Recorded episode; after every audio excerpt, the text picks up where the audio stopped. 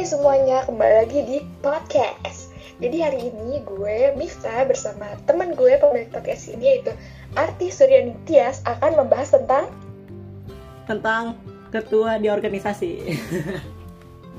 ya bersama dengan teman-teman kita waktu di Mandua yaitu ada Brian, Renata dan juga Eki.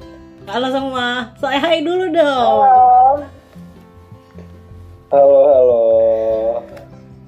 Halo. Oke, jadi hari ini kita bakal ngebahas tentang eh, kalian ini kan eh, semua tuh sekarang udah menjadi seorang pemimpin ya di organisasi masing-masing. Jadi untuk pembahasan pertama gimana ti?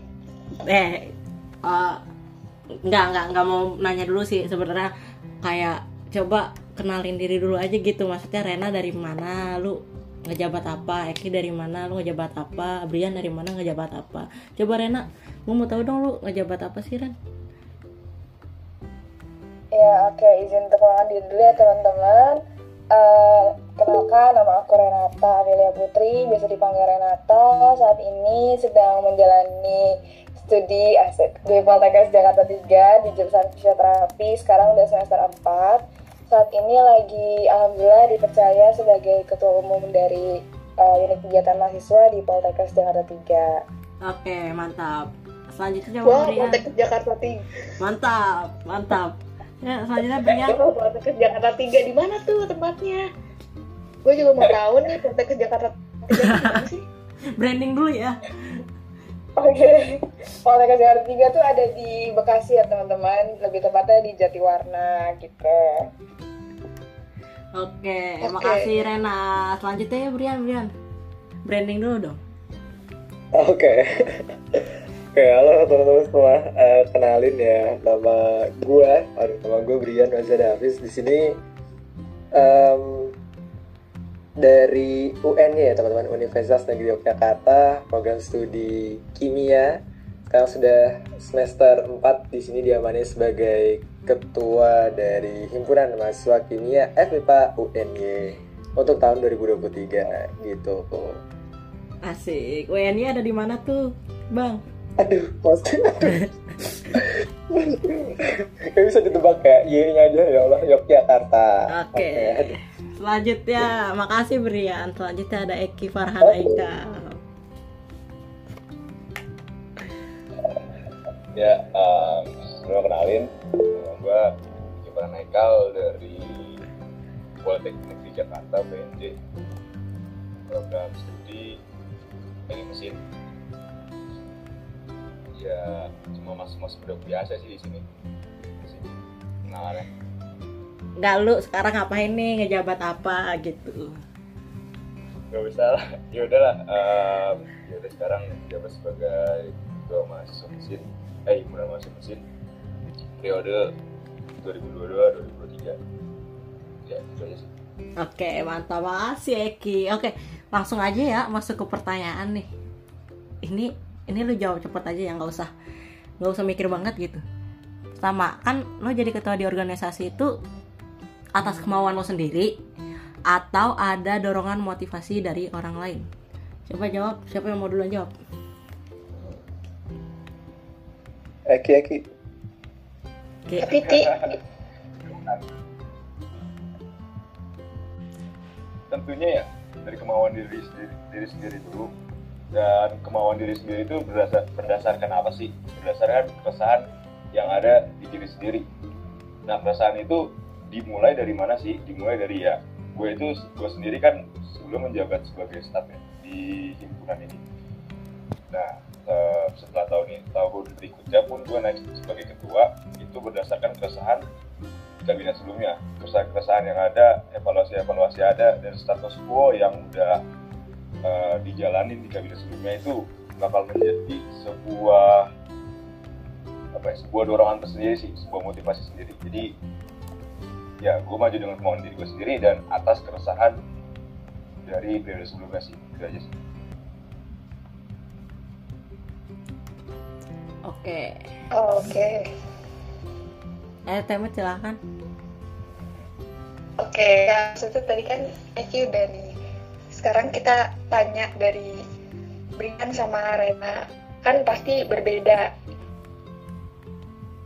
Ya, mungkin gue duluan kali ya. Kalau dari gue sendiri sebenarnya 50-50 sih antara emang udah tuntutan untuk menjabat sama uh, emang ada kemauan dari diri sendiri buat ngelanjutin kepengurusan gitu. Karena kan emang jabatan sebelumnya itu alhamdulillah dapat posisi dipercaya buat jadi wakil ketua umum juga gitu.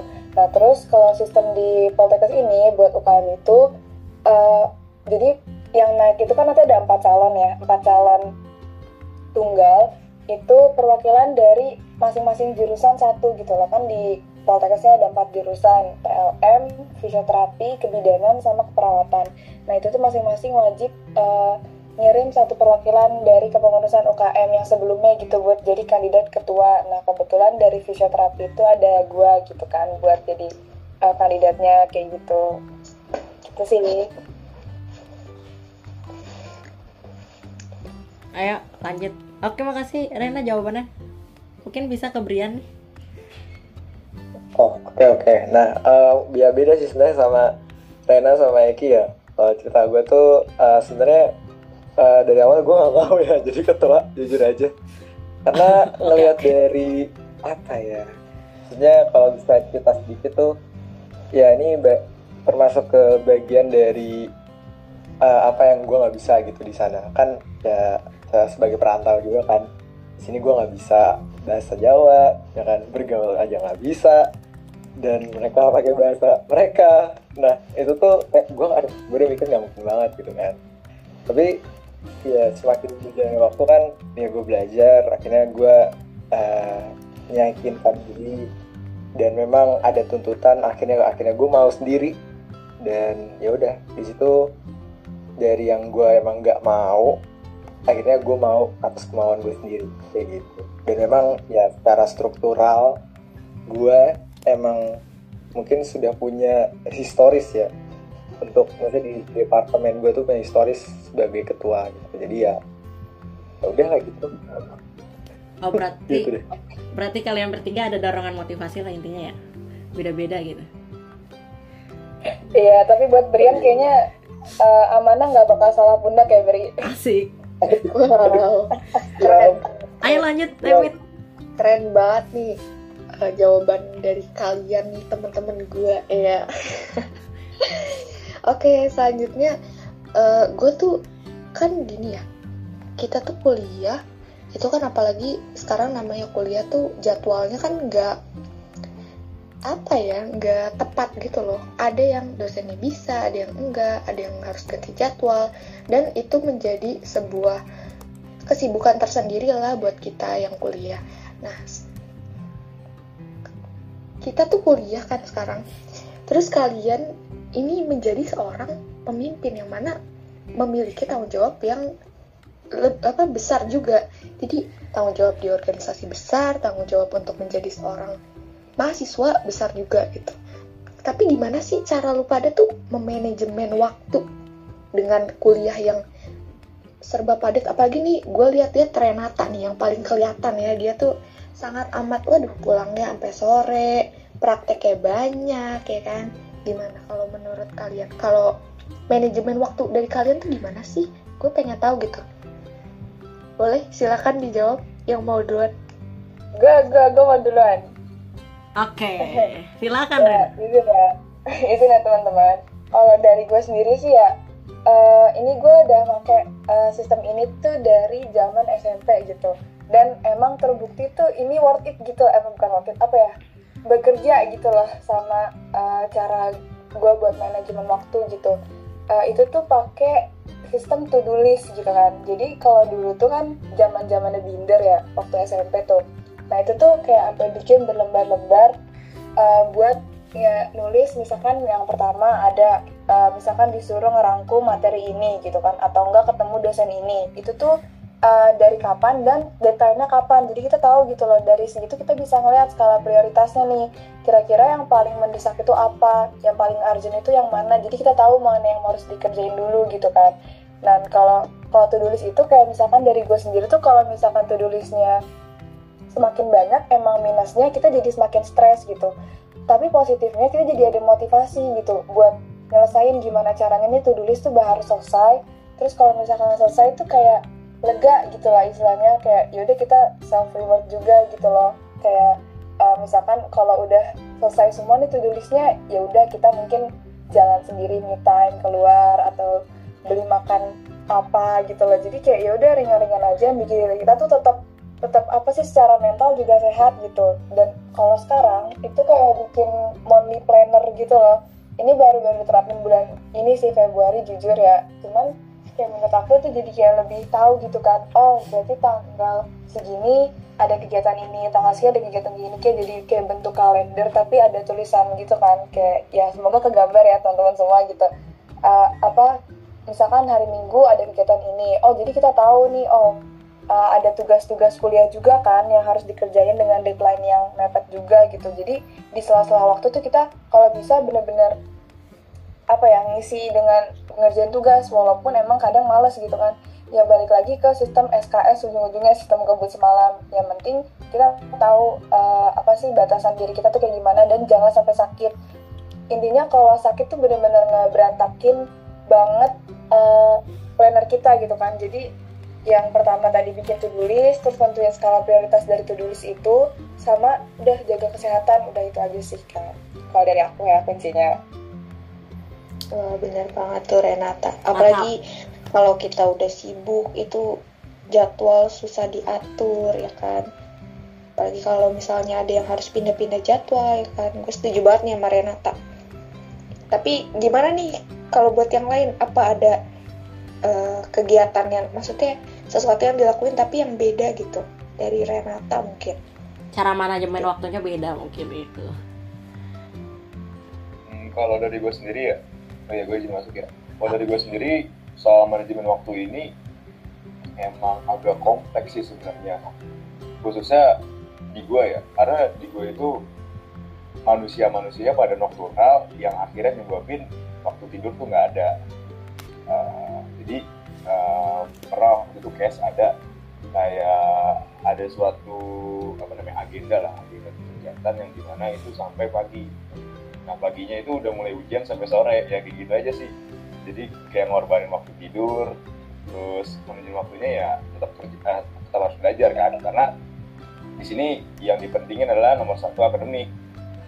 Organisasi cuma tambahan. Dan ya balik lagi sih ke skala prioritas tadi benar kata Rena dan juga langkah preventif dulunya gimana. Kan beda jadi juga prediktif preventif sama apa namanya preventif uh, prediktif preventif sama korektif terus akhirnya evaluasi. Nah dari cara-cara itu uh, ya udah tahu kalau ada tugas tuh kerja dulu aja. Kalau lagi senggang ya paksainnya buat kerja tugas.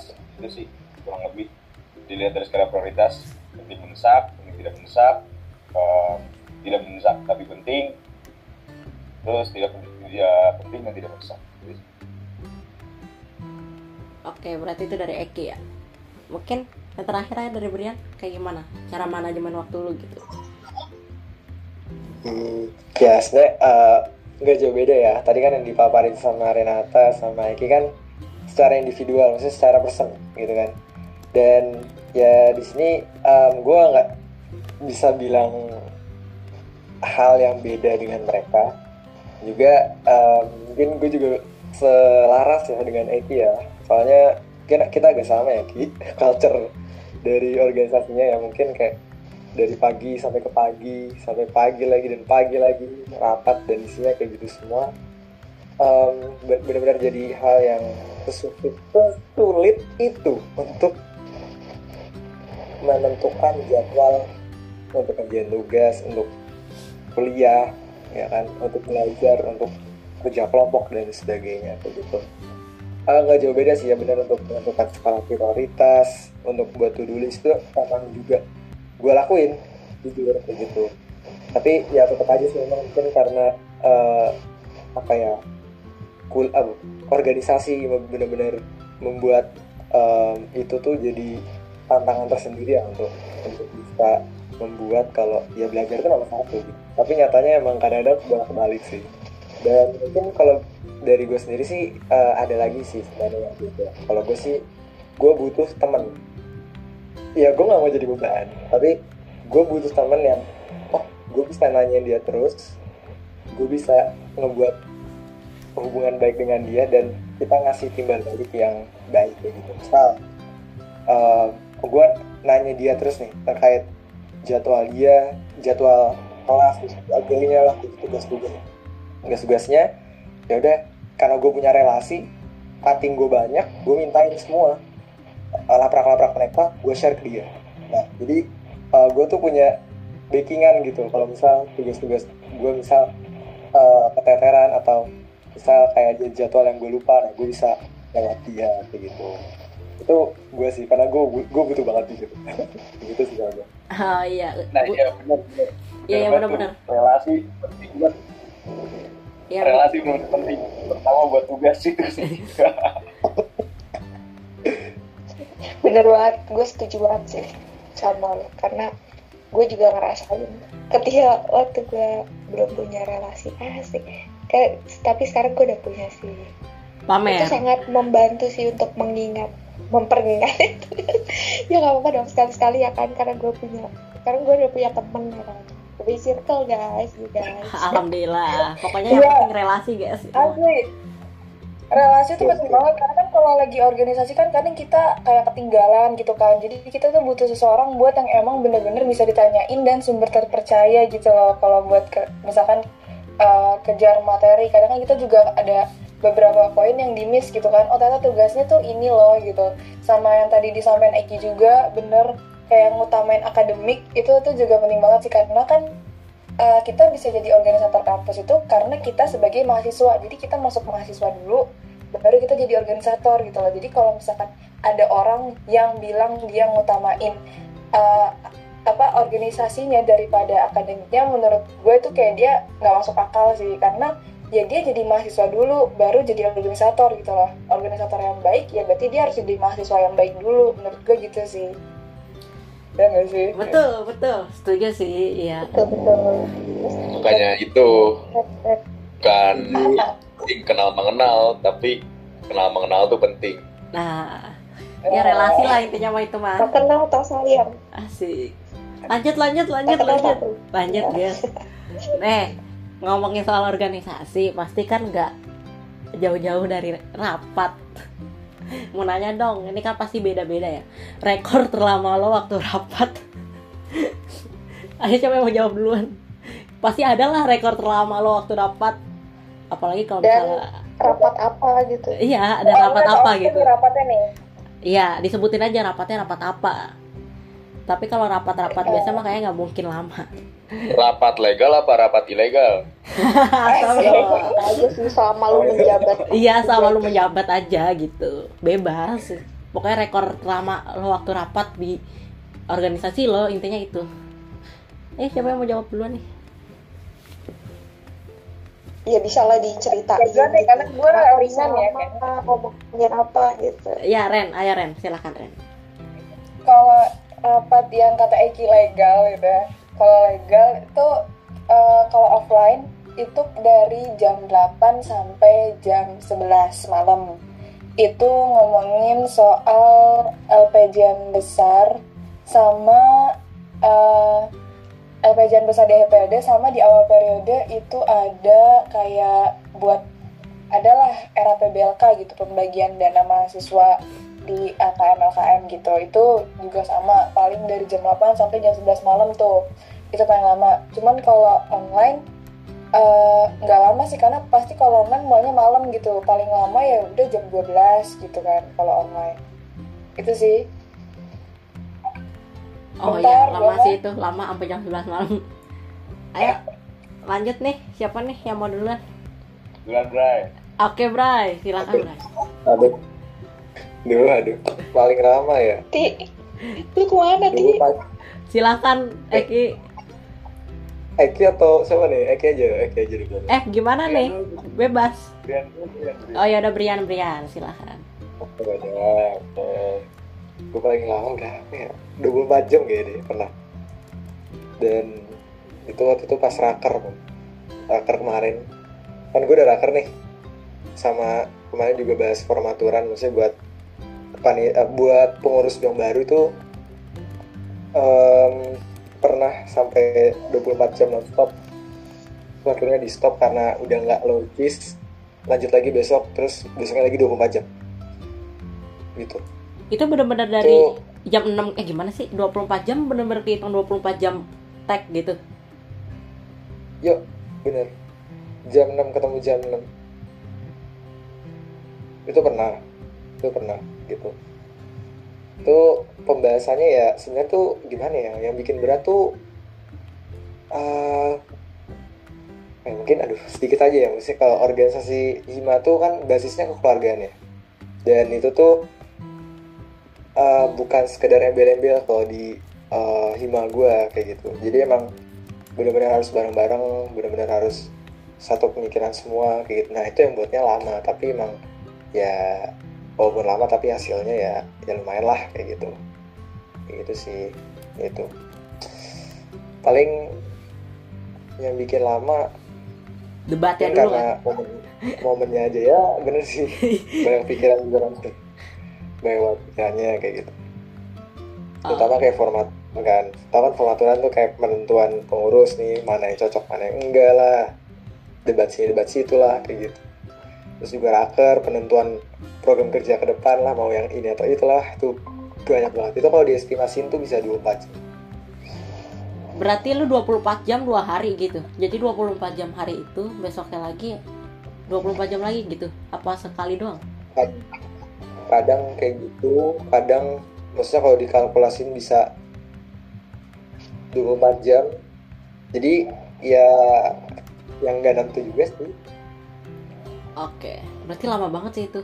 Gila sehari anjay. Kalau Eki gimana Ki? kalau gua apa ya? Ya taker sih sama. Bener kata Brian agak kompleks. Kalau dia kan kayak keluarga. Ya emang keluargaan sih dan aset profesionalisme sama asas keluargaan tapi kalau gue sendiri paling lama tuh tapi dari gue sendiri paling lama tuh raker sih ya raker raker tuh waktu kemarin dari jam 9 sampai jam setengah enaman lah ya. Jam 9 pagi sampai jam setengah enam sore. Itu yang legal. Kalau yang ilegal ya pernah sih sampai 24 jam gitu. Itu bahasannya kalau di raker udah jelas ya pengesahan proker sama agenda kalau yang 24 jam itu itu ada deh pokoknya diskusi perihal banyak hal pokoknya. Ah, oke. Gue mau nanya sih ah, menurut lu selama itu efisien gak sih? Efektif gak sih gitu? Menurut lu pada? Kadang kan kadang kan gimana ya? Kalau misal kelamaan juga udah capek gak sih otak soalnya otak manusia aja tuh cuma bisa berapa menit doang bisa fokus buat ngejelasin sesuatu gitu. Efektif gak menurut lu? Kira-kira. Iya. nggak ini bebas aja nggak harus nggak harus jawab satu-satu. Menurut lu aja gitu. Oh. misalnya kayak lu misalnya mau Eh. jawab. Ya enggak lah pasti lah enggak lah. Cuma mungkin ini ngelur- ngelurusin juga sih ya nggak 24 jam benar-benar non stop ya ada jedanya kayak gitu. Cuma kalau dilihat dari ya efektivitas ya nggak sama sekali lah. Nggak logis malah aneh. Iya kan ya? tapi ya tapi ya mungkin karena bahasannya aja gitu ngalir terus ya ya udah nih nggak berhenti berhenti dan ya udah. Kayak udah capek sendiri gak sih? Ya Gitu. Benar, setuju. Menurut gue juga kayak kurang tergantung sih ya bisa bisa tergantung kita gunain waktunya dari kayak tadi misalkan gue bilang jam 8 sampai jam 11 itu pun besoknya dilanjut lagi jam 8 lagi sampai jam 11 lagi biasanya sampai tiga hari tuh. Hari ketiga baru misalkan sampai sore atau sampai maghrib gitu. Itu tergantung kalau misalkan emang eh, pembahasannya tuh daging ya ya bakalan efektif gitu loh. Cuman jangan sampai apa yang kita bahas tuh yaudah kita muter di situ aja. Nggak ada nggak ada hasilnya. Cuman debat-debat doang karena kan emang semakin banyak kepala tuh semakin banyak eh, apa sih? Celaan. Semakin banyak yang iya gitu kan semakin banyak yang mau dibahas juga gitu loh. Jadi uh, kadang bikin nggak yang bikin gak kondusif itu itu gitu loh. Semakin banyak kepala tuh malah semakin nggak jelas bahasannya ngelantur ke mana kidul gitu kan kayak gitu selama uh, tiga hari itu dipakai emang ada hasilnya sih ya masih gak apa-apa lah gitu. Gitu. Iya sih terlalu terlalu lama juga sih. Cuma ya kadang emang hmm. karena bukan kita yang pengen lama ya tapi mengalir aja pembahasannya gitu. Iya bahasannya tuh ada aja gitu.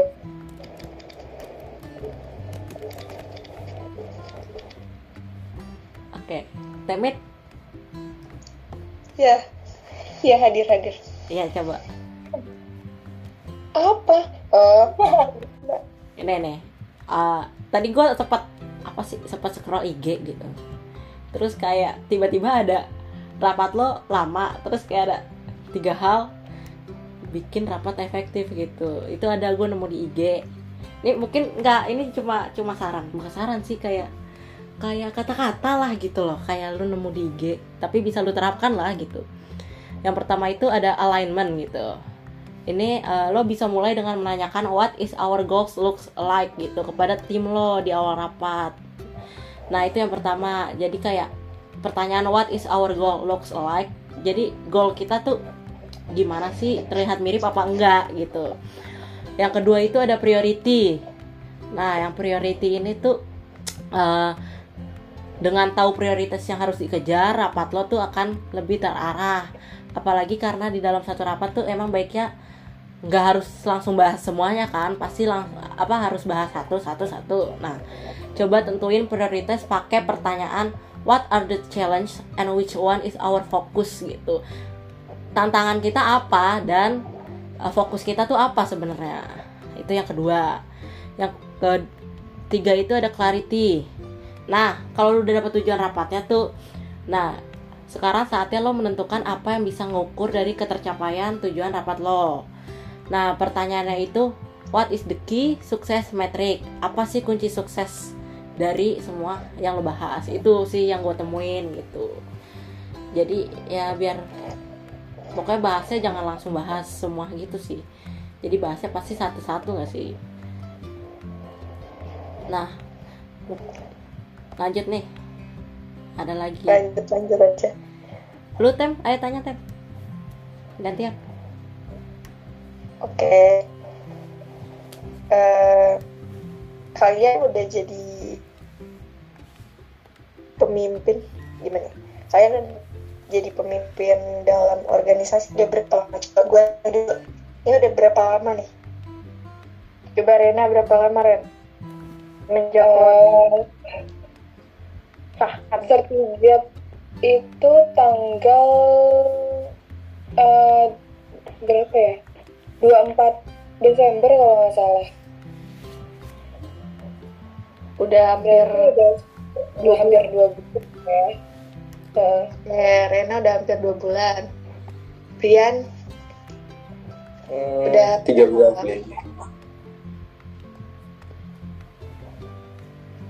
Eki? Gimana Brian tiga bulan tadi kata Eki oh ya oke okay. Eki sebulan sebulan untuk semua udah melalui 4 minggu, 8 minggu sama 12 minggu. Selama kalian melalui mengikuti masa-masa itu pasti ada rasa senang, ada rasa sedih. Gimana sih? Ada nggak sih suka duka ketika kalian menjadi seorang pemimpin? Apakah misalnya sukanya itu oh iya gue disukain oleh para anggota gue karena gue baik cukup baik dalam pemimpin dan gue merasa merasa senang gitu ketika disukai terus sedihnya misalnya apa gitu boleh diceritain langsung nih gue bisa juga ngasih contohnya ada dong pasti ada. Oke. Okay ceritain uh, aja nggak kalau dari oke okay, dari, dari gue sendiri nih ya uh, kalau su apa sukanya dulu kali ya. Sukanya itu alhamdulillahnya nih gue dapet um, apa ya teman-teman seangkatan ya kan pasti ada tingkat dua ada tingkat satu gitu. Nah tingkat duanya tuh alhamdulillahnya yang emang support gitu dan mereka benar-benar tahu evaluasi dari kepengurusan tahun lalu tuh apa gitu. Jadi kita sama-sama pengen ngebangun uh, apa ya sistem yang emang lebih kekeluargaan tapi juga profesional gitu loh. Karena tahun lalu tuh terlalu kekeluargaan jatuhnya jadinya uh, segan buat saling tegur kayak gitu. Intinya evaluasinya itu dan dari tingkat duanya tuh bisa satu tujuan lah istilahnya gitu. Kalau ini loh evaluasi dari tahun lalu gitu. Kita udah sama-sama peka. Cuman uh, mungkin rada yang PR sih ya. Bukan bukan tapi lebih ke PR kita itu uh, bonding sih. Bonding ke adik-adiknya tuh gimana gitu. Karena baik lagi kayak tadi gue bilang gitu kan. Mau tetap ada kekeluargaan tapi juga profesional gitu. Di ini gue pernah bahas ini nih sama Eki nih. Nah mungkin ntar gak tau Eki perasaannya apa gitu ya.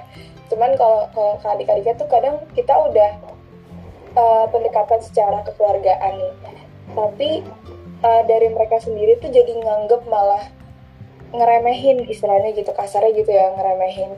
Uh, jadi kayak uh, masukin sistem profe bukan masukin cara profesionalnya tuh rada susah gitu lah karena dari kitanya juga nggak mau yang terlalu tetap tetap nggak yang terlalu dikit-dikit eval dikit-dikit eval kayak gimana gitu kan. Karena kan takutnya dari mereka malah jatuhnya nggak bisa terbuka ke kita gitu. Tapi di sisi lain uh, kita juga pengen mereka tuh tanggung jawab sama apa yang udah mereka amanatin gitu loh apa yang udah diamanat ke mereka.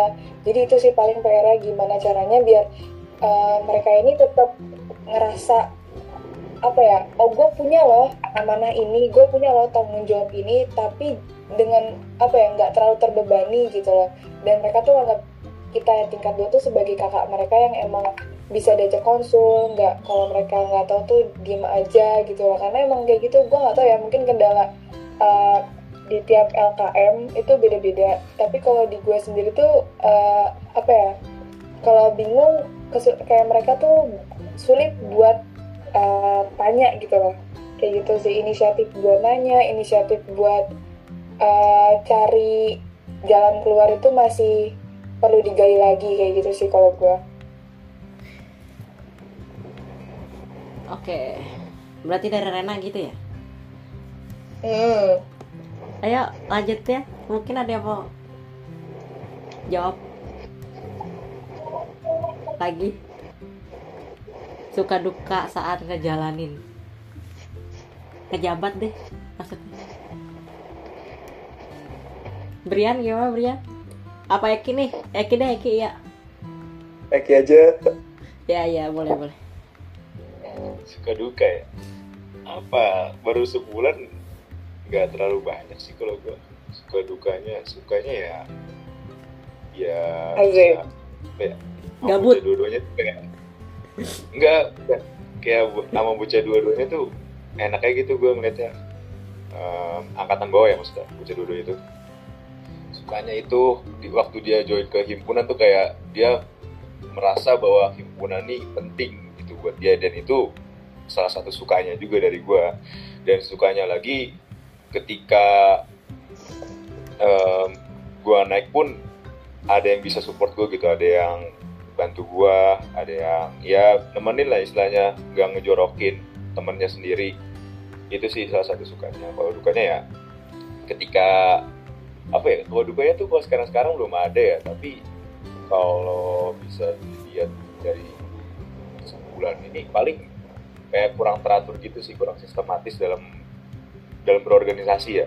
Karena ada satu hal ada satu dua hal lah yang nyebabin hal, hal tersebut terjadi yang menjadikan ada kendala gitu ada masalah.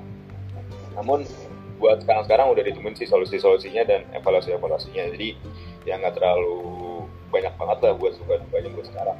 Oh, tapi kalau suka duka kampanye itu baru banyak. Suka duka waktu pengen naik itu lebih banyak lah dari sekarang. Karena kampanye gue tuh kan dari bulan bulan bulan Oktober. Oktober sampai bulan Desember dua bulan. Jadi lebih banyak suka duka di sana lah. Kalau buat ngejabat sih ya buat sekarang ya kurang lebih kayak gitu Hmm. Oke oke. buat Brian ayah gimana suka duka Oh, Oke, Eh, berarti selama tiga bulan ini ya suka dukanya ya. Eh, kalau sukanya ya pasti bener ya dikenal itu ya kalau dari gue sendiri sih ya gue suka dikenal sebenarnya tapi ya nggak ngartis-ngartis banget lah maksudnya seneng gitu oh ini Brian kayak gitu loh. Jadi eh, memang dari basicnya kan emang gue kan sering ngobrol jadi gue seneng aja gitu. Kalau misal gue mau mau gue mau ngobrol sama orang lain orang lain kenal gue jadi kita lebih nyambung gitu. Ketimbang gue harus SKSD dulu dan sebagainya kayak gitu. Itu sukanya ya sukanya banyak banget sih sebenarnya banyak kayak gitu. Entah eh, gue lebih dikenal sama birokrasi juga lebih gampang juga dalam mengurus apa pun ya kalau soal birokrasi ya. Karena gue punya jabatan gitu udah ada nama kayak gitu gampang. Terus juga ya dalam prospek kerja ke depan tuh gue udah kayak oh ah, tenang lah gitu kalau keterima kalau gue udah dari ya lord lord gue lah gitu loh. Gue sebenarnya kayak gitu gitu. Cara ini kedua juga gue juga ngerasa kayak ada yang banyak banget lah yang udah ke-upgrade dari diri gue entah itu dari kepribadian gue yang dulunya mungkin lebih pendiam ya? Gue ngerasa kayak gue dulu pendiam ya dia sekarang jauh lebih pendiam ya. sekarang gue lebih aktif banget gitu. Yang gue lihat sih kayak gitu. Tapi ya dukanya eh, jauh lebih banyak ya pasti kayak gitu. Gue ngerasa dukanya tuh karena eh, mungkin gue tuh 49 broker ya. Di Waduh, banyak banget gile. 50 49 49 apa 59 tadi? 49 ya 49 disokong oleh 54 pengurus. Jadi otomatis satu orang tuh udah bersatu harusnya. Nah dengan basis kekeluargaan berarti dari 49 broker itu gue harus datangin gue harus bantu gue harus ada gue harus kelihatan di 49 broker itu. Dan itu benar tantangan banget buat gue kayak gitu. Jujur itu ya capek sih 49 broker bakal kayak gitu terus gitu jujur aja. Terus juga ya maksudnya kan lagi-lagi ya gimana tuh kekeluargaan wajah dari satu tujuh satu dilihat dari kahimnya. Orang-orang bilang gitu ke gue Gitu, kalau di sini kok guanya jelek? Wah habis gue sama masyarakat gue sendiri kayak gitu. Apalagi belum lagi sama kating-kating yang bawel lah bahasanya atau kayak gimana ya kayak gitu jadi gue benar-benar harus pasang topeng harus sering SKSD kayak gitu yang di mana kayak ya gue punya batas gue tapi gue harus melampaui batas itu untuk uh, melakukan hal-hal di luar dari zona nyaman gue gitu. Terus kalau terkait di arena ya sebenarnya gue punya jawaban yang kuat ya kalau di himpunan gue tapi saya himpunan gue kan keluargaan tapi em, juga menerapkan profesionalitas kayak gitu dan itu jalan-jalan aja gue ngerasa kayak gitu ya mungkin awal-awal disepelein sih tapi lama-lama kerasa oke oke aja Spill dong Brian. eh, spill apa. kan? Tipsnya. apa ya Ah, mungkin ini agak menyerempet ke yang lain nggak apa ti atau gimana ti Boleh, boleh. Kita kan ngobrol-ngobrol biasa aja nggak apa-apa. Ah, oke oke. Eh, tapi gue nggak tahu ya apakah di tempat lo ada? Gue yakin tempat lo ada sih. Kayak semacam alumni yang galak. Adalah. ya kan? Nah kalau di gua itu dibuat um, satu wadah gitu. Jadi alumni galak tuh ada. Dia akan datang dan mengawasi di setiap program kerja gua. Itu ada kalau yang kemarin yang udah gue jalan itu ada di rapat kerja dia ada. Mereka tuh ada untuk ngomelin kita untuk ngasih pressure ke kita sehingga em, apa ya sumber rasa takut mereka semangat membara mereka untuk bekerja itu tuh berdasarkan dari rasa takut. Rasa takutnya bukan dari ketuanya tapi dari alumni itu. Oh, iya, iya. nah itu waktu kalau di himpunan gue karena di awal-awal gue kan memang menerapkan keluargaan gitu. Dan ketika gue menyentuh bagian alumni galak misal gue bilang kayak jangan kayak gini nanti alumni bakal ngomong kayak gini karena kalian habis kalian di pertanggungjawaban ke depan. Langsung tuh gerak semua. Jadi kalau di himpunan gue tuh kayak gitu. Gue suka nggak suka sih. Gue mulai untuk menanamkan itu supaya tanggung jawabnya tetap ada. Itu kalau di gue gitu kayak teknik ya Brian. Oke oke. Tapi nih ya ngomong soal alumni, sorry ya gue sklep ya kalau misalnya lo, aduh nih hujan bentar, bentar bentar bentar. ayo udah gue aja deh. Sebenarnya kalau misalnya uh, soal kayak gitu ya al- kalau di gua ya kalau di gua tuh nggak alumni tuh nggak datang sih kalau misalnya kayak di organisasi. Kecuali emang kalau di gua tuh ada namanya tuh kayak dewan pengawasan pengembangan organisasi itu isinya tingkat tiga. Pokoknya yang bagian kayak gitu tuh yang bagian nyela-nyela tuh emang kebanyakan yang mereka yang tingkat tiga itu. Jadi tingkat dua sama satunya tuh kena pressure gitu. Tapi yang lebih berat tuh bebannya ada di BPH nya pasti. BPH dan KDEP itu udah pasti. Dan Kahim dan itu nggak ada alumni jadi ya tingkat tiga sih gitu. Kenapa TP tadi Eh, ini sorry ya hujan. Jadi kayaknya suaranya bakal masuk, tapi gue harap sih suara gue lebih jelas daripada hujan. ya Jadi, tadi kan Santai, kita santai. ngomongin alumni ya, merembet ke alumni. Oke, kita ngomongin alumni. Menurut kalian nih, ini gue tiba-tiba terlintas aja nih di pikiran gue. Menurut kalian alumni dalam sebuah organisasi itu eh, berhak nggak sih me, apa ya, me- ikut campur, mencampur tangani contoh proker kalian, kerja kalian, perlu nggak sih sebenarnya kalau menurut kalian tuh pantas gak sih seorang alumni? Maksudnya alumni itu kan orang yang udah bukan bagian dari kita gitu. Bukan sivitas lah ya. Kenapa? Bukan sivitas. Ya kayak gitulah. Menurut kalian gimana? Kalau menurut pandangan kalian. Perlu gak sih alumni itu ikut campur? Tangan dari gue dulu ya oke. Proker oke silakan Eki. Ini kan jatuhnya kayak intervensi alumni ya. Intervensi alumni itu sebenarnya udah kolot banget sih. Udah kayak zaman zaman dulu gitu. Dan dan itu udah nggak ada relevansinya dengan zaman zaman sekarang. Khususnya dengan generasi Z atau generasi milenial. Karena pada dasarnya intervensi yang mereka lontarkan adalah intervensi waktu zaman eh pada saat mereka ngejabat dan itu udah nggak ada nggak ada relevansinya dengan zaman kita sekarang.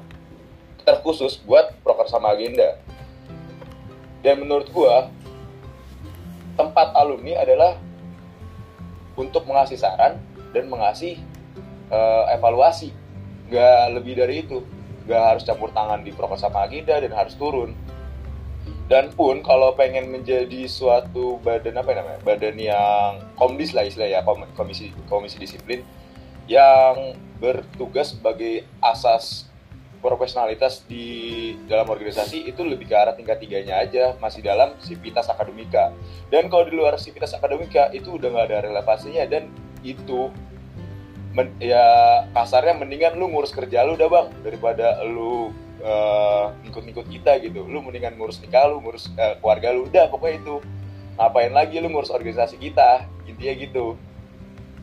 Eh, ya balik lagi tadi cuma ngasih saran dan ngasih evaluasi. Itu sih menurut gua. Nggak ada relevansinya udah. Itu mah zaman zaman kolot. Tapi kalau di lu sendiri masih ada nggak tuh alumni alumni yang ikut campur tangan alhamdulillahnya kalau di jurusan gue sendiri itu udah nggak ada eh, campur tangan dari alumni. Dan alumni itu justru mensupport semuanya. Khususnya kalau gue nih ya gue nge- eh, ngebuat suatu perubahan dari nama proker tuh dari ini ke ini. Karena eh, ada beberapa hal yang eh, emang urgensinya begitu. Dan dari alumni pun terima-terima aja asal dengan alasan yang jelas dan landasan yang kuat.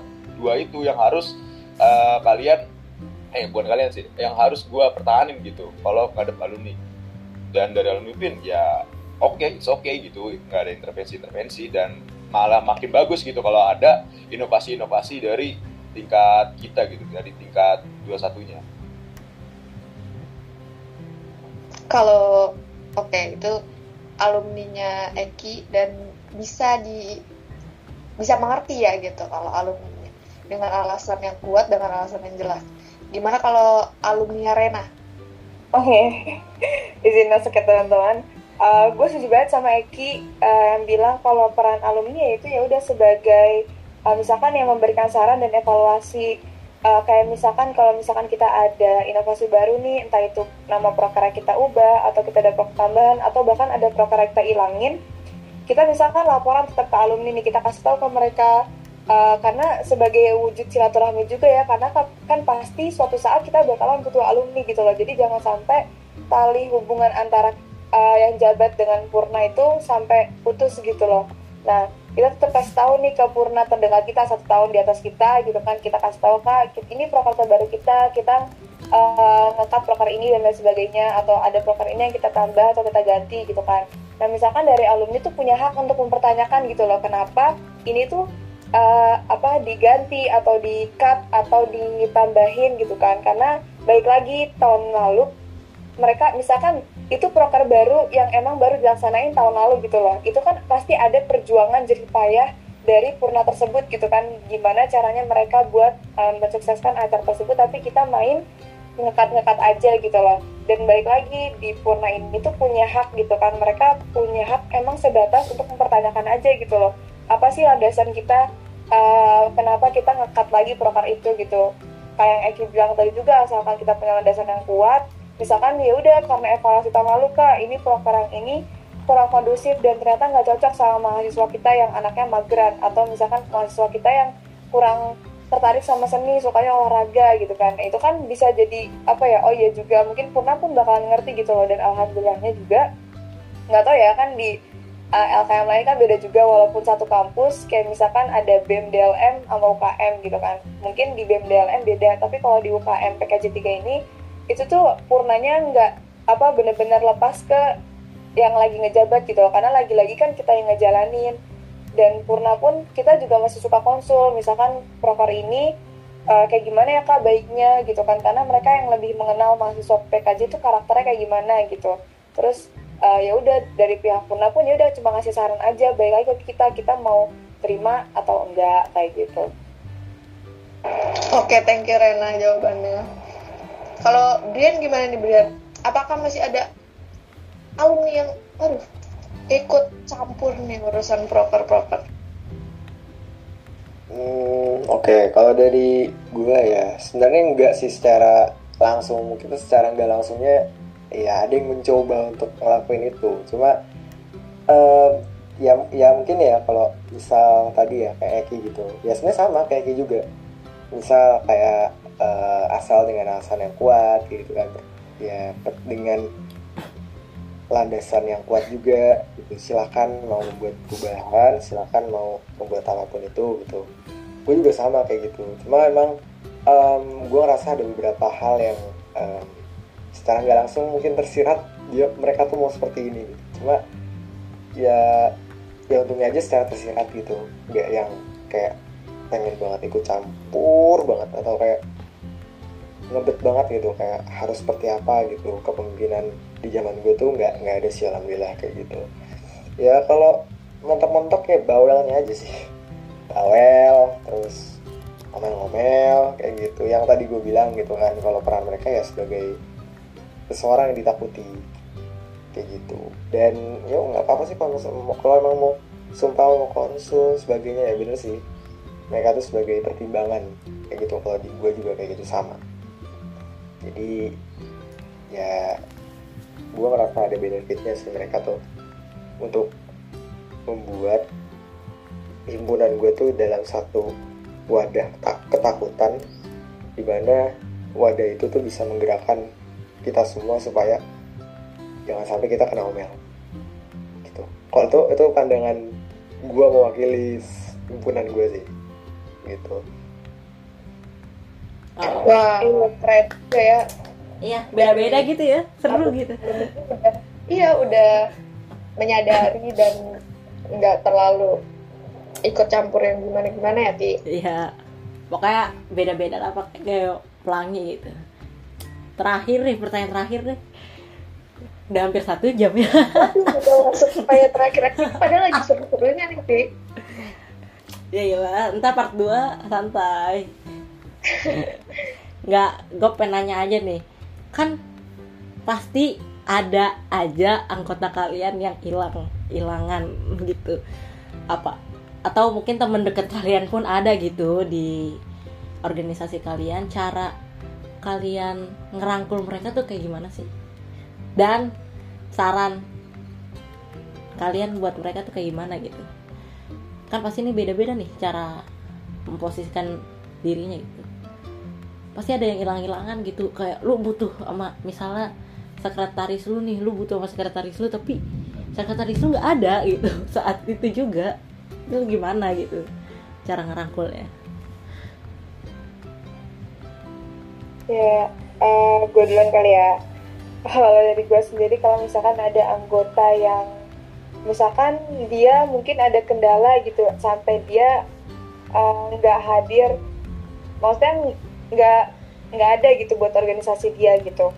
Kalau gue sih yang pertama pasti eh gue nggak bakal sampai ngulik-ngulik dia masalahnya apa, tapi ya gue bakalan nanya gitu loh, seenggaknya di permukaannya lah, gue nanya, lu kenapa gitu loh. Terus karena kan sekarang juga udah offline ya maksudnya kemungkinan untuk ketemu di kampus tuh bakalan sering gitu loh. Kalau misalkan emang via chat dia sulit dihubungi ya samperin langsung uh, ajak ngobrol berdua jangan langsung tiba-tiba ngajak di forum terus kita sudutin takutnya dia malah makin hilang gitu kan. Siapa tahu masalah dia karena ada masalah sama kita gitu kan. Karena mungkin sistem kepemimpinan kita yang gak cocok sama dia gitu loh.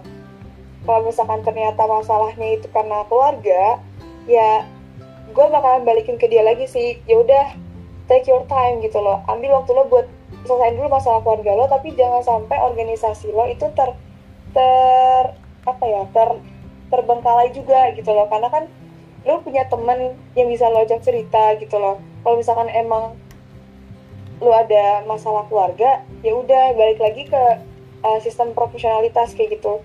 Kalau apa ya lo udah dipercaya buat ngemban amanah tersebut ya lu harus punya tanggung jawab buat nyelesain tugas itu gitu loh. Kalau misalkan emang lu kewalahan dengan masalah keluarga dan organisasi yang bersamaan ya lu punya temen yang bisa lu minta buat bantuan dulu kayak gitu. Cuman ya balik lagi ada feedback yang bisa lu berikan ke dia kayak gitu. Itu kalau masalah keluarga cuman kalau misalkan emang masalahnya karena internal misalkan pas gue tanya lu kenapa? Terus gue ada masalah Ren sama dia gitu kan. Kalau misalkan melibatkan orang ketiga ya pertama gue denger dulu nih dari sudut pandang dia emangnya kenapa ada, apa masalahnya? Kok bisa sampai kayak dia tuh uh, sampai bener-bener meng, apa ya organisasinya tuh sampai terbengkalai gitu. Cuma karena masalah dia sama si orang ketiga ini. Dan gue juga nanyain ke orang ketiga ini dari sudut pandang dia tuh yang kayak gimana gitu. Jadi gue nggak asal uh, menyu apa sih menyudutkan salah satu pihak gitu terus kita coba cari solusi sama-sama setelah gue denger. Kan gue juga belum tentu yang paling bijak ya kan ya? Ya gue juga uh, butuh apa yang ngajak mereka ngobrol bertiga gitu loh. Baik lagi gue cuma sebagai pengantar.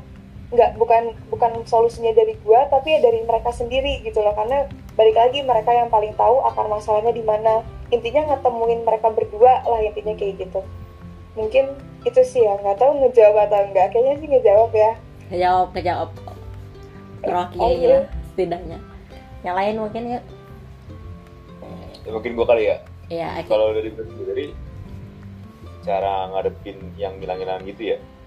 Iya. gue pakai teori supply and demand yang di mana teori supply and demand ini pemenuhan kebutuhan atas anggota-anggota gue Uh, jadi garis koordinasi itu dari gue Kahim Pak Kahim terus ke Kadep baru ke BPH BPH dan staff-staffnya yang paling rentan buat hilang-hilangan kan adalah di staff-staffnya ya. Gue langkah preventifnya itu dengan cara tadi teori supply and demand.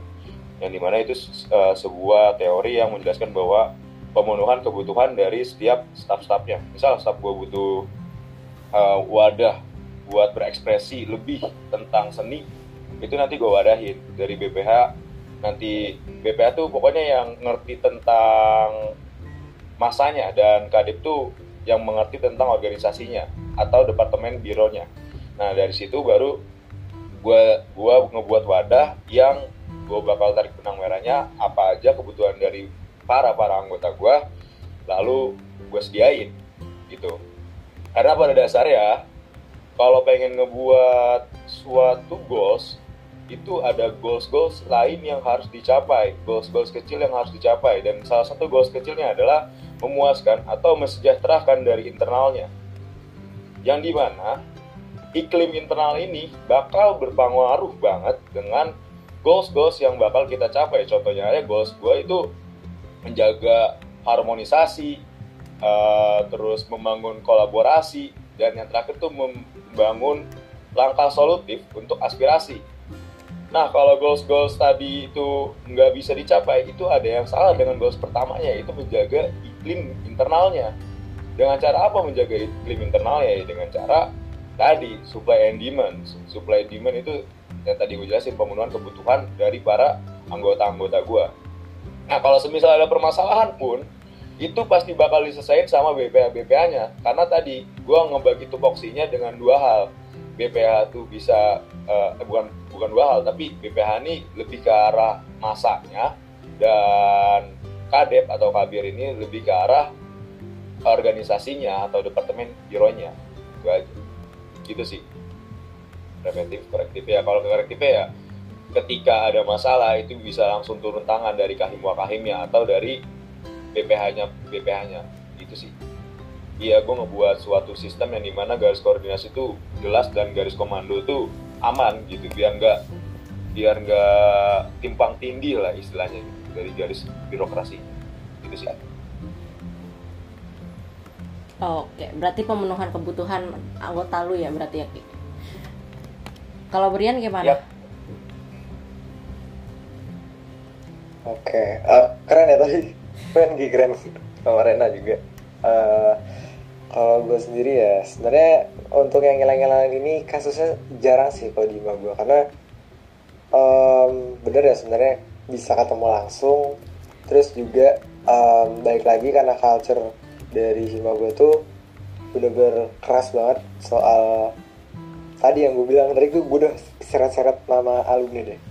Nah, jadi gue udah ya dari emang culture-nya sering bawa itu jadi kita tuh tahu itu sebenarnya tuh kalau misal ada satu yang hilang atau ada satu yang bermasalah aja dia sadar kalau yang kena tuh nggak cuma dia. Kayak gitu. Gue ngerasa kayak gitu. Karena um, indikator dari gue bisa menilai itu adalah seberapa pengurus gue datang ke sekre gue gitu. Dan nyatanya memang banyak yang datang.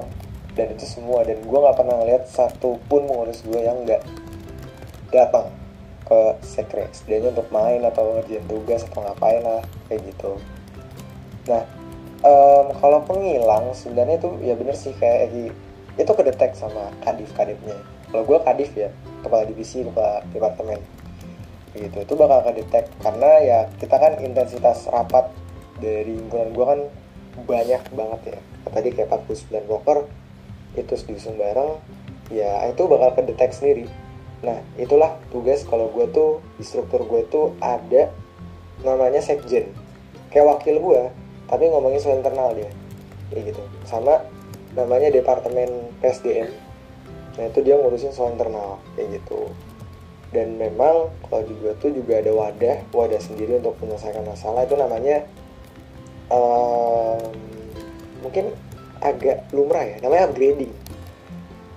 Kalau gue tuh gue punya tiga upgrading upgrading satu upgrading dua upgrading tiga. Upgrading satu tuh di awal di awal kepengurusan gue udah lewat itu untuk memberikan tekanan-tekanan ke pengurus gue biar lebih tanggung jawab supaya nggak lupa sama kewajiban mereka ya lewat alumni itu tadi.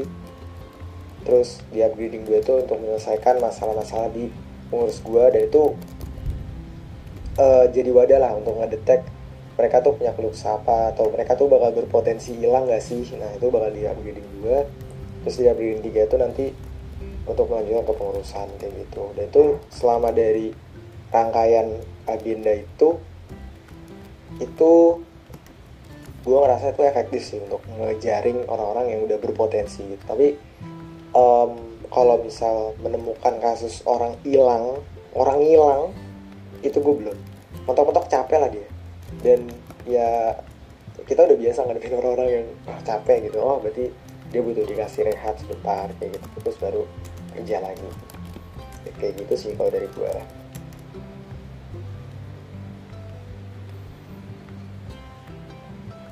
Oke makasih ya, Eh, lu nambahin ki.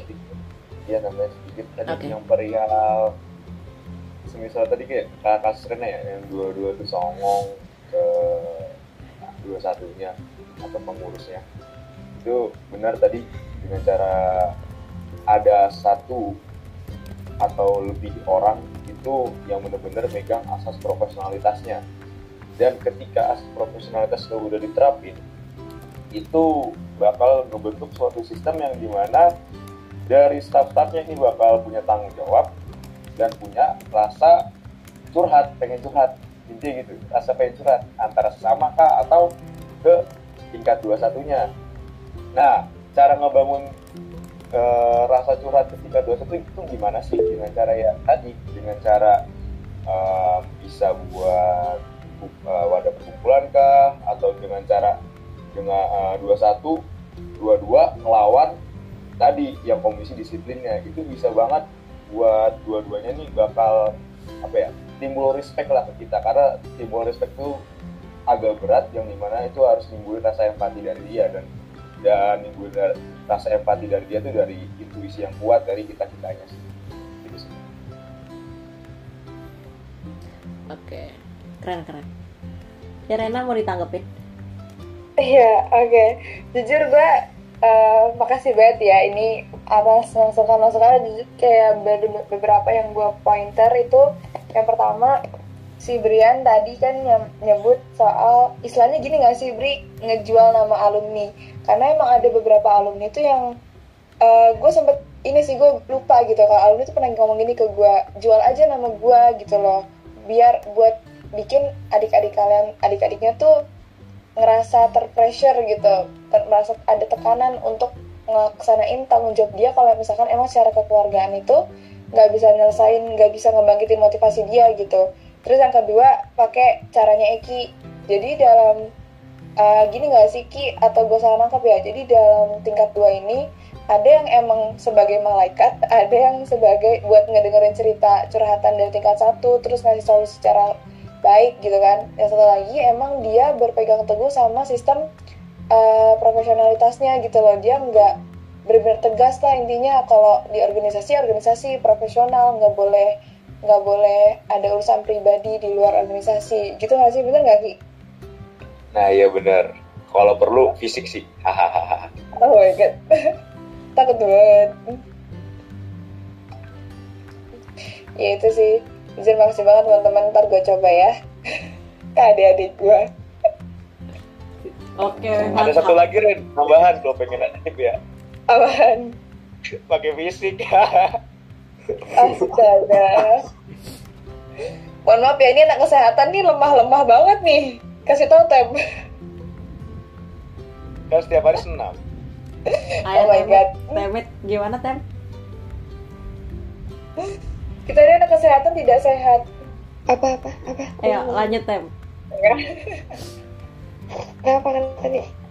Iya lanjut aja. Lu lanjut maksud gue eh lanjut lah tadi ngomongin apa Nggak kan udah Iya. ini kan udah ending. Lu katanya mau ngasih bonus question. Oh iya. Oh iya iya. dia Kamu lupa tuh dia. Bonus question. udah ini free. kita udah satu jam ngobrol di sini. Walaupun rada kaku tapi ya ngalir aja gitu. Terus gue nih ada satu pertanyaan sebelum kita kelarin ini podcast ya jadi pertanyaan gue itu gini kalian itu kan ya yang tadi udah dijelasin juga sih. Sibuk sangat sangat sangat sangat sangat sibuk kan. Dan jadi jarang pulang ke rumah pagi nih yang merantau nih Brian ya kan. Kayaknya udah setahun nih nggak balik ke rumah gitu. Gue nggak tahu sih udah berapa bulan belum balik ke rumah tapi gimana sih gitu. Ketika lo eh, akan eh selama hidup lo itu dalam 24 jam lo pasti eh, ketemu sama keluarga kan. Tapi ketika lo udah menjabat menjadi apa sebuah pe- ketika lo udah menjabat menjadi seorang pemimpin lo tuh jadi jarang pasti ada di rumah. Nah ada nggak sih hal yang lo kangenin di rumah? Atau uh, ada perasaan kayak aduh gue pengen pulang banget gitu. Ketika lo lagi berada di dalam suatu kondisi yang lo harusnya tuh rapat atau uh, ngurusin proker tapi lo kayak kangen banget sama rumah gitu. Gimana? Bisa diceritain gitu. Ini kan termasuk hal-hal yang sedih ya gitu. Gak apa-apa lah. Sedih-sedih buat penutup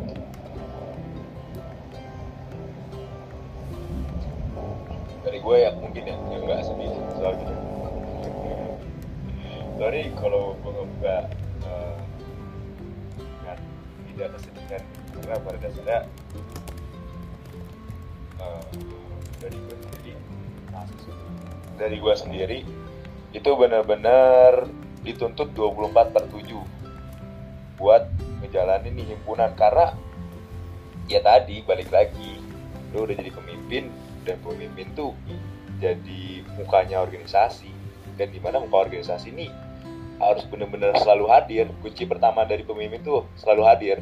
Dan ya pada saat gua rapat pada saat ada kegiatan pada saat ada sesuatu hal permasalahan yang ada di mahasiswa maupun di organisasi gua itu pasti gua bakal selesaiin dulu baru nanti balik lagi ke ke rumah gitu nggak bisa tumpang tindih gitu lah karena ya tadi lu pemimpin dan pemimpin tuh dituntut selalu hadir dan selalu fokus. Gitu sih. Oke paham paham paham. Tapi lo bener-bener gak ada sama sekali yang kayak aduh gue nih udah capek banget gue pengen banget pulang. Soalnya gue dari lihat temen gue ada satu temen gue dia tuh anak tunggal anak tunggal ngekos dan eh sorry nih gue malah nyeritain temen gue dan dia tuh sering banget yang kayak aduh pengen banget pulang gitu. Homesick lah. Jadi kepikirannya tuh ke rumah gitu.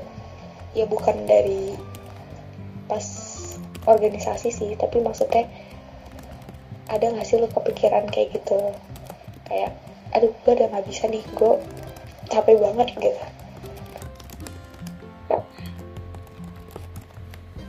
Duluan, coba duluan. ya, dulu, dulu ya. Oke, ya kayak bener sih. Uh, poin utamanya tuh tadi yang Eki sebut itu kita uh, sebagai kepala gitu ya, bener-bener tuntut buat selalu ada. Bahkan uh, kan kayak kadang nih tiba-tiba ada aja gitu ya dari kayak misalkan kan gue uh, ada korlap nih ya korlap itu ada empat ada 14 14 UKM nah kadang nih korlap mereka ini 5 UKM per hari itu pasti bakal ngechat gue gitu loh mengenai konsul latihan rutin. Mereka mau sparring mau turnamen itu pasti ada gitu. Dan itu tuh di beda kadang lagi di jam kelas. Kadang kalau jam kelas gue usahain semaksimal mungkin buat nggak buka HP dan mereka pun paham gitu loh kalau lagi kuliah gitu kan kita berusaha buat fokus dulu kan ke akademik tapi di jam istirahat gue bakalan uh, apa ya berusaha buat selalu ada gitu buat mereka. Bahkan sampai kayak uh, ngekorbanin jam makan gue sendiri kayak gitu. Gue cuma buat sholat ya udah bis itu gue ke ruang UKM ketemu sama mereka nemenin mereka naikin proposal dan sebagainya. Terus udah masuk lagi jam jam kuliah gitu loh. Ya kayak gitu sih. Terus kayak misalkan tadi soal kasus temennya Temip yang apa dia homesick istilahnya pengen pulang. Menurut gue itu wajar ya kayak misalkan pasti setiap masa tuh kita ada masa jenuhnya nggak sih gitu kan? Cuman ya balik lagi uh, gue nggak tahu ya ini kata-katanya uh, boleh nggak sih sebut merek di sini weh? Maksudnya sebut merek gimana nggak apa-apa sih. Santai gila. Kapi kakak kelas kita waktu di man? Uh, ya nggak apa-apa. boleh? Boleh. Oke. okay. Ini Kak Fatih nih kata-kata Kak Fatih ketika kita mulai merasa lelah ingat untuk apa semua ini dimulai gitu loh. Jadi kita remind kembali gitu kenapa sih kita uh, milih jalan ini ketika kita milih buat jadi mahasiswa kupu-kupu kenapa kita jadi ikut organisasi ujung-ujungnya jadi kepala gitu kan? Kita kan pasti ada alasan kenapa kita milih buat ada di posisi ini gitu. Terus mungkin dia belum ketemu uh, apa ya kayak rasa enjoy jalaninnya. Mungkin dia ngera- ngejalanin itu dengan penuh tekanan gitu loh. Maksud gue emang berat gitu kan. Cuman jangan dibawa berat. Ya udah jalanin aja gitu loh. Kalau misalkan emang gak kuat ya bilang aja kan kita nggak sendirian gitu. Kita kayak misalkan contoh misalkan dia sekretaris. Kan dia ada sekretaris dua. Coba bagi tugasnya lebih diadilin lagi. Karena kalau misalkan salah satu merasa terbebani ya pasti nggak bakalan imbang. Jatuhnya malah nggak sehat hubungan antara mereka berdua ya jadi tekanan terus nggak dinikmatin kayak gitu. Aduh bahasa gue bisa dipahamin gak sih? Semoga bisa ya gitu kan. Jadi apa ya coba cari titik nyaman dia di organisasi itu apa gitu loh. Jadi uh, entah itu muka mulai dari nyari temen yang sefrekuensi atau bentuk circle uh, apa ya di LKM tuh yang emang bener-bener gue butuh dia gitu loh buat teman cerita gue ngercelain tentang problem gue sama di LKM atau mungkin dia nyari apa ya pokoknya cari titik nyaman di mana dia tuh ngerasa kalau uh, di LKM tuh nggak se menekankan itu gitu loh kayak gitu sih kalau dari gue mah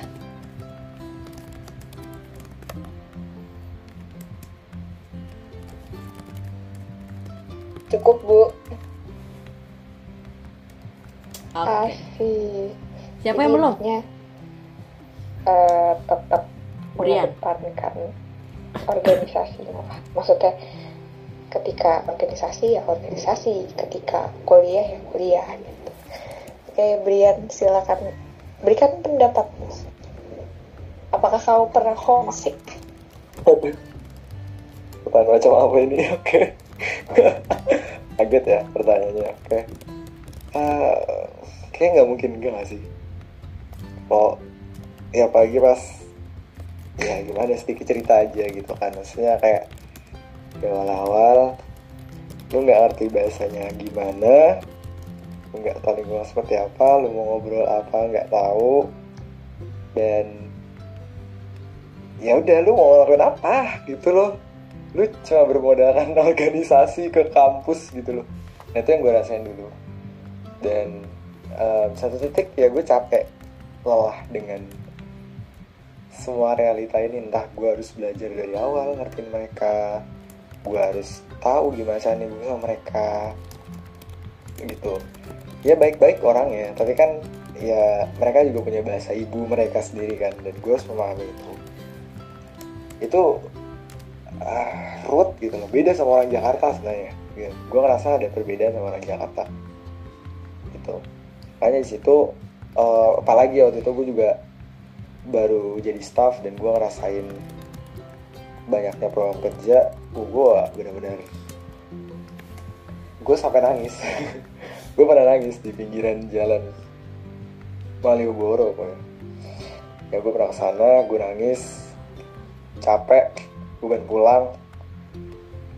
Tapi em, ya gue gak mungkin pulang dong karena gue udah mau mulai. Bener kata Rena gitu gue mengingat semuanya gue udah mulai semua ini masa sih gue harus selesai di tengah jalan kan nggak mungkin. Jadi ya coba gue enjoyin lagi diri gue di sini. Apa sih yang bisa gue cari? Apa yang menjadi titik kenyamanan gue oh ternyata ya sek sekre gue gitu. Sekre gue sebagai rumah gitu loh dan orang-orangnya. Ya lambat laun gue paham gitu bahasa mereka. Gue bahkan bisa ngobrol sama mereka dengan bahasa mereka. Itu jadi penyemangat gue lagi sampai sekarang gitu. Jadi sekarang ini udah terhitung satu tahun ya gue belum pulang. Ya pernah ya hampir satu, satu tahun sih semenjak lebaran kemarin. Satu tahun baru gue nggak pulang kan. Kayak gitu. Dan Oke, gue suka banget jawaban-jawaban kalian. Tapi yang gue mention di sini adalah dari tadi kalian tuh ngomongin suportif, suportif. Oh ya, maaf banget ini pertanyaan terakhir bener-bener terakhir. Karena gue nggak karena kita akan mengakhiri podcast ini. Si Arti udah capek banget kayaknya. Dari tadi gue tuh mention kalau misalnya ada namanya suportif, maksudnya orang-orang yang bikin kalian itu eh, salah satu yang membuat kalian itu bertahan di dalam suatu permasalahan. Maksudnya bukan suatu permasalahan sih di dalam suatu kondisi yang kalian tuh udah kayak muak banget gitu kan siapa sih gitu orangnya? Kita kan pengen tahu gitu. Karena dari tadi nih gue denger kalian tuh mau mention eh, inilah inilah itulah gitu yang menjadi suportif. Boleh diceritain siapa gitu. Orang yang sangat menjadi suportif bagi kalian ketika kalian itu lagi down di masalah eh, apa kepemimpinan ini di masa organisasi ini. Boleh dong diceritain ya kan? Jangan kaku-kaku lah. Ini eh, pertanyaan terakhir nih. Beneran sumpah. Kayaknya ini mah pertanyaannya Brian doang deh. soalnya tadi lu juga tadi lu juga kayak mention eh, orang yang kayak membuat gue bisa bertahan gitu loh Enggak, ini klarifikasi ya. Itu maksudnya tuh, itu kan opsi gitu loh. Kalau misalkan emang dia mau ini, kalau gue sendiri itu pakainya sistem yang me time. Kayak misalkan kalau udah capek, ya kan balik lagi, gue juga manusia biasa gitu loh. Gue butuh waktu buat uh, istirahat dari uh, huruf hara gitu kan, dari semuanya gitu. Nah, kan gue punya wakil.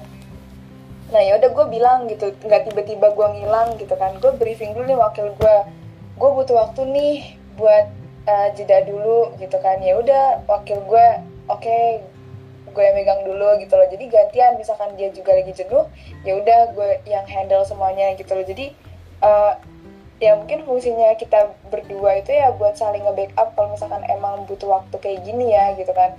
Kalau dari gue mah me time teh. Bukan bukan ada support system kayak gitu.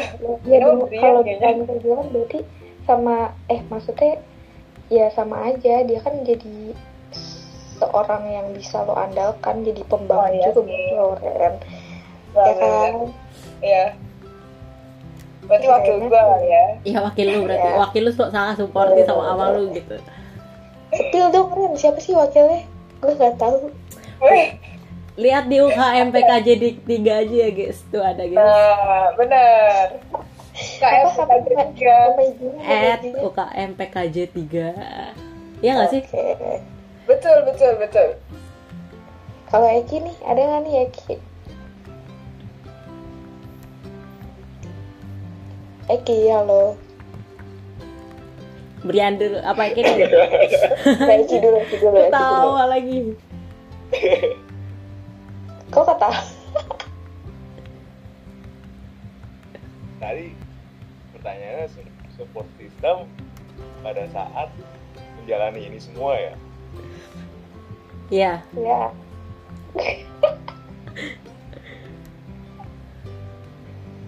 Ya, yang pasti ya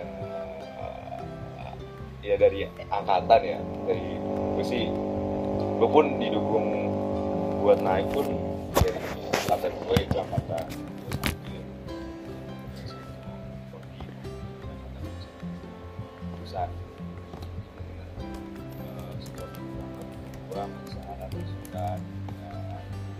ya sampai saat ini pun masih juga gua kadek kadir maupun dari staff-staffnya itu support system ada ya ada ada seorang lah pokoknya udah udah gitu sih oh gitu. Nggak mau ngomong buat orangnya apa gitu.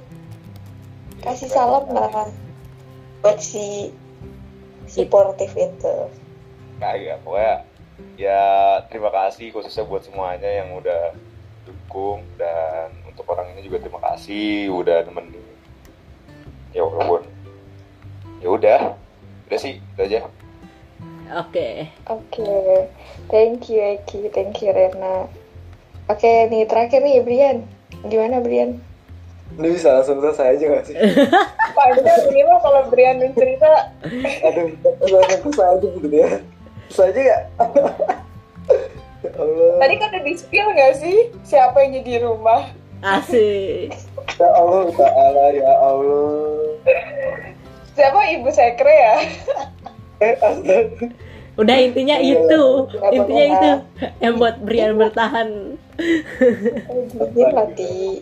Kenapa? Dikasih kata-kata lah, dikasih kata-kata lah.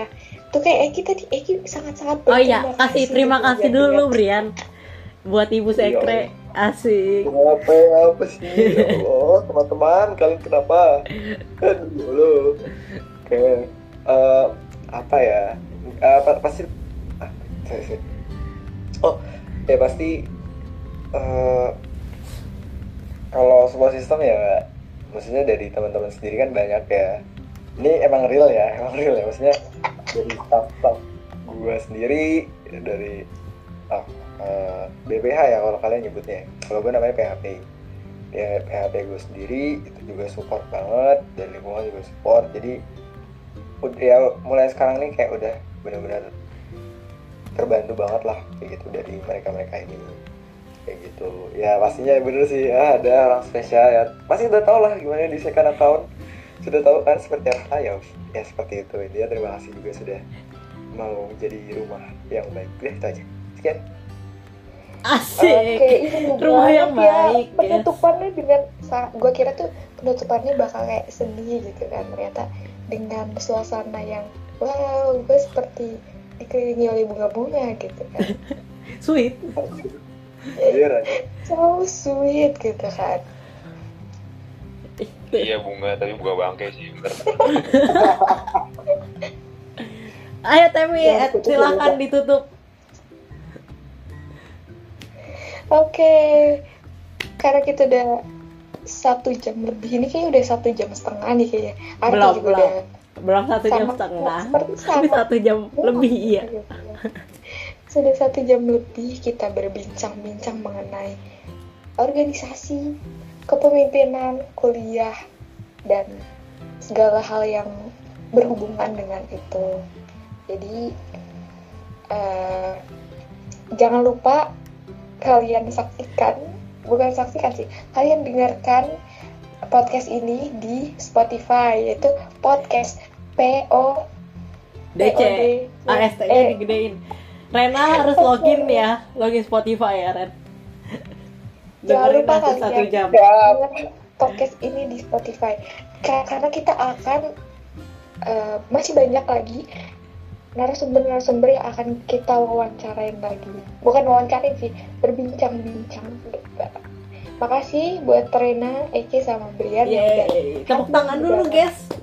di dalam podcast ini ya yang sudah memeriahkan gitu. Padahal gue tuh tadinya kayak menginginkan kalian tuh santai aja gitu loh. Tapi kayak kaku banget gitu Nggak guys, ini serius banget sih, tapi nggak apa-apa. ya udah, makasih ya, semua. ya bahasannya sulit kalau dibawa santai. Iya betul. iya Karena pembahasannya berat. Miftah, lumayan ini berat. bagus Maaf ya kak, maaf ya kak udah serius-serius. Maaf ya. karena Ya karena mungkin kalian tuh memposisikan kita sebagai kepala gitu loh, bukan sebagai apa ya? Jadi bingung. Iya, gitu karena materinya itu. Oh ya, udah. Karena materi itu juga gitu. Ya udah. bagi nanti para pendengar yang mendengar podcast ini mungkin akan tertarik dengan organisasi-organisasi yang mungkin tertarik dengan uh, kepemimpinan mungkin bisa ya gitu bisa dilihat nih ini spoileran lah gitu Asik. Ya udah. guys Kelar ya, Makasih. dengarkan. Aduh, Udah, udah. sekarang udah ngobrol ngobrol biasa beneran Ya, ngobrol Dadah, dadah semua, dadah dulu, dadah. iya ini buat penutupan podcast dadah Oke, terima kasih semuanya. terima kasih ya.